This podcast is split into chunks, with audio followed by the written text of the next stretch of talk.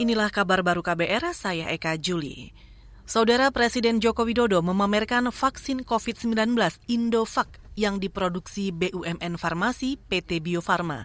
Kata dia, vaksin tersebut sudah diproduksi sebanyak 3 miliar dosis selama setahun terakhir. Hal itu diungkapkan Jokowi saat meluncurkan vaksin Indovac di Bandung hari ini.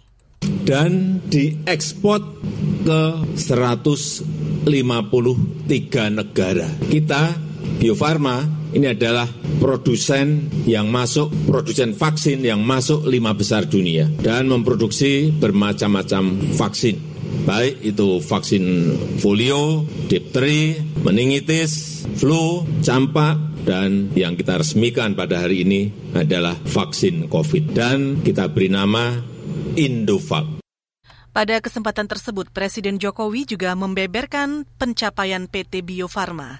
Menurut Jokowi, Perusahaan plat merah itu memasok 70 persen vaksin polio dunia yang menjadikannya sebagai penyuplai terbesar.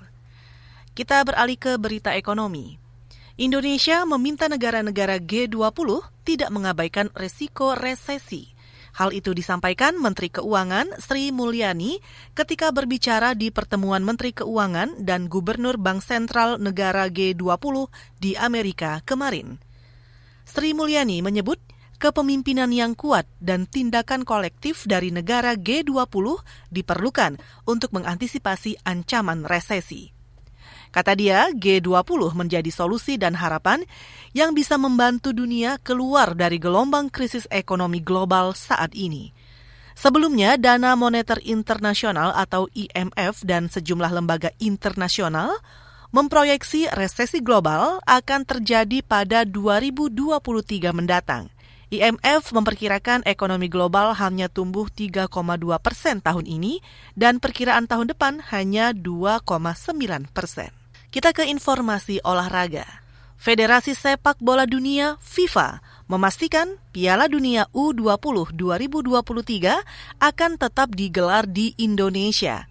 Hal itu disampaikan Koordinator Proyek Pengembangan FIFA, Niko Novan Nasak, dalam konferensi pers kemarin.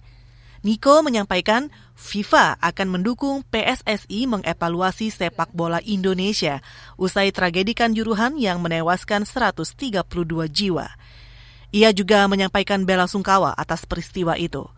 FIFA, menurut Niko, tengah mengumpulkan segala informasi terkait tragedi Kanjuruhan, kemudian menyusul rencana kerja dengan rentang waktu yang jelas guna mendorong liga kembali bergulir. Saudara demikian kabar baru, saya Eka Juli.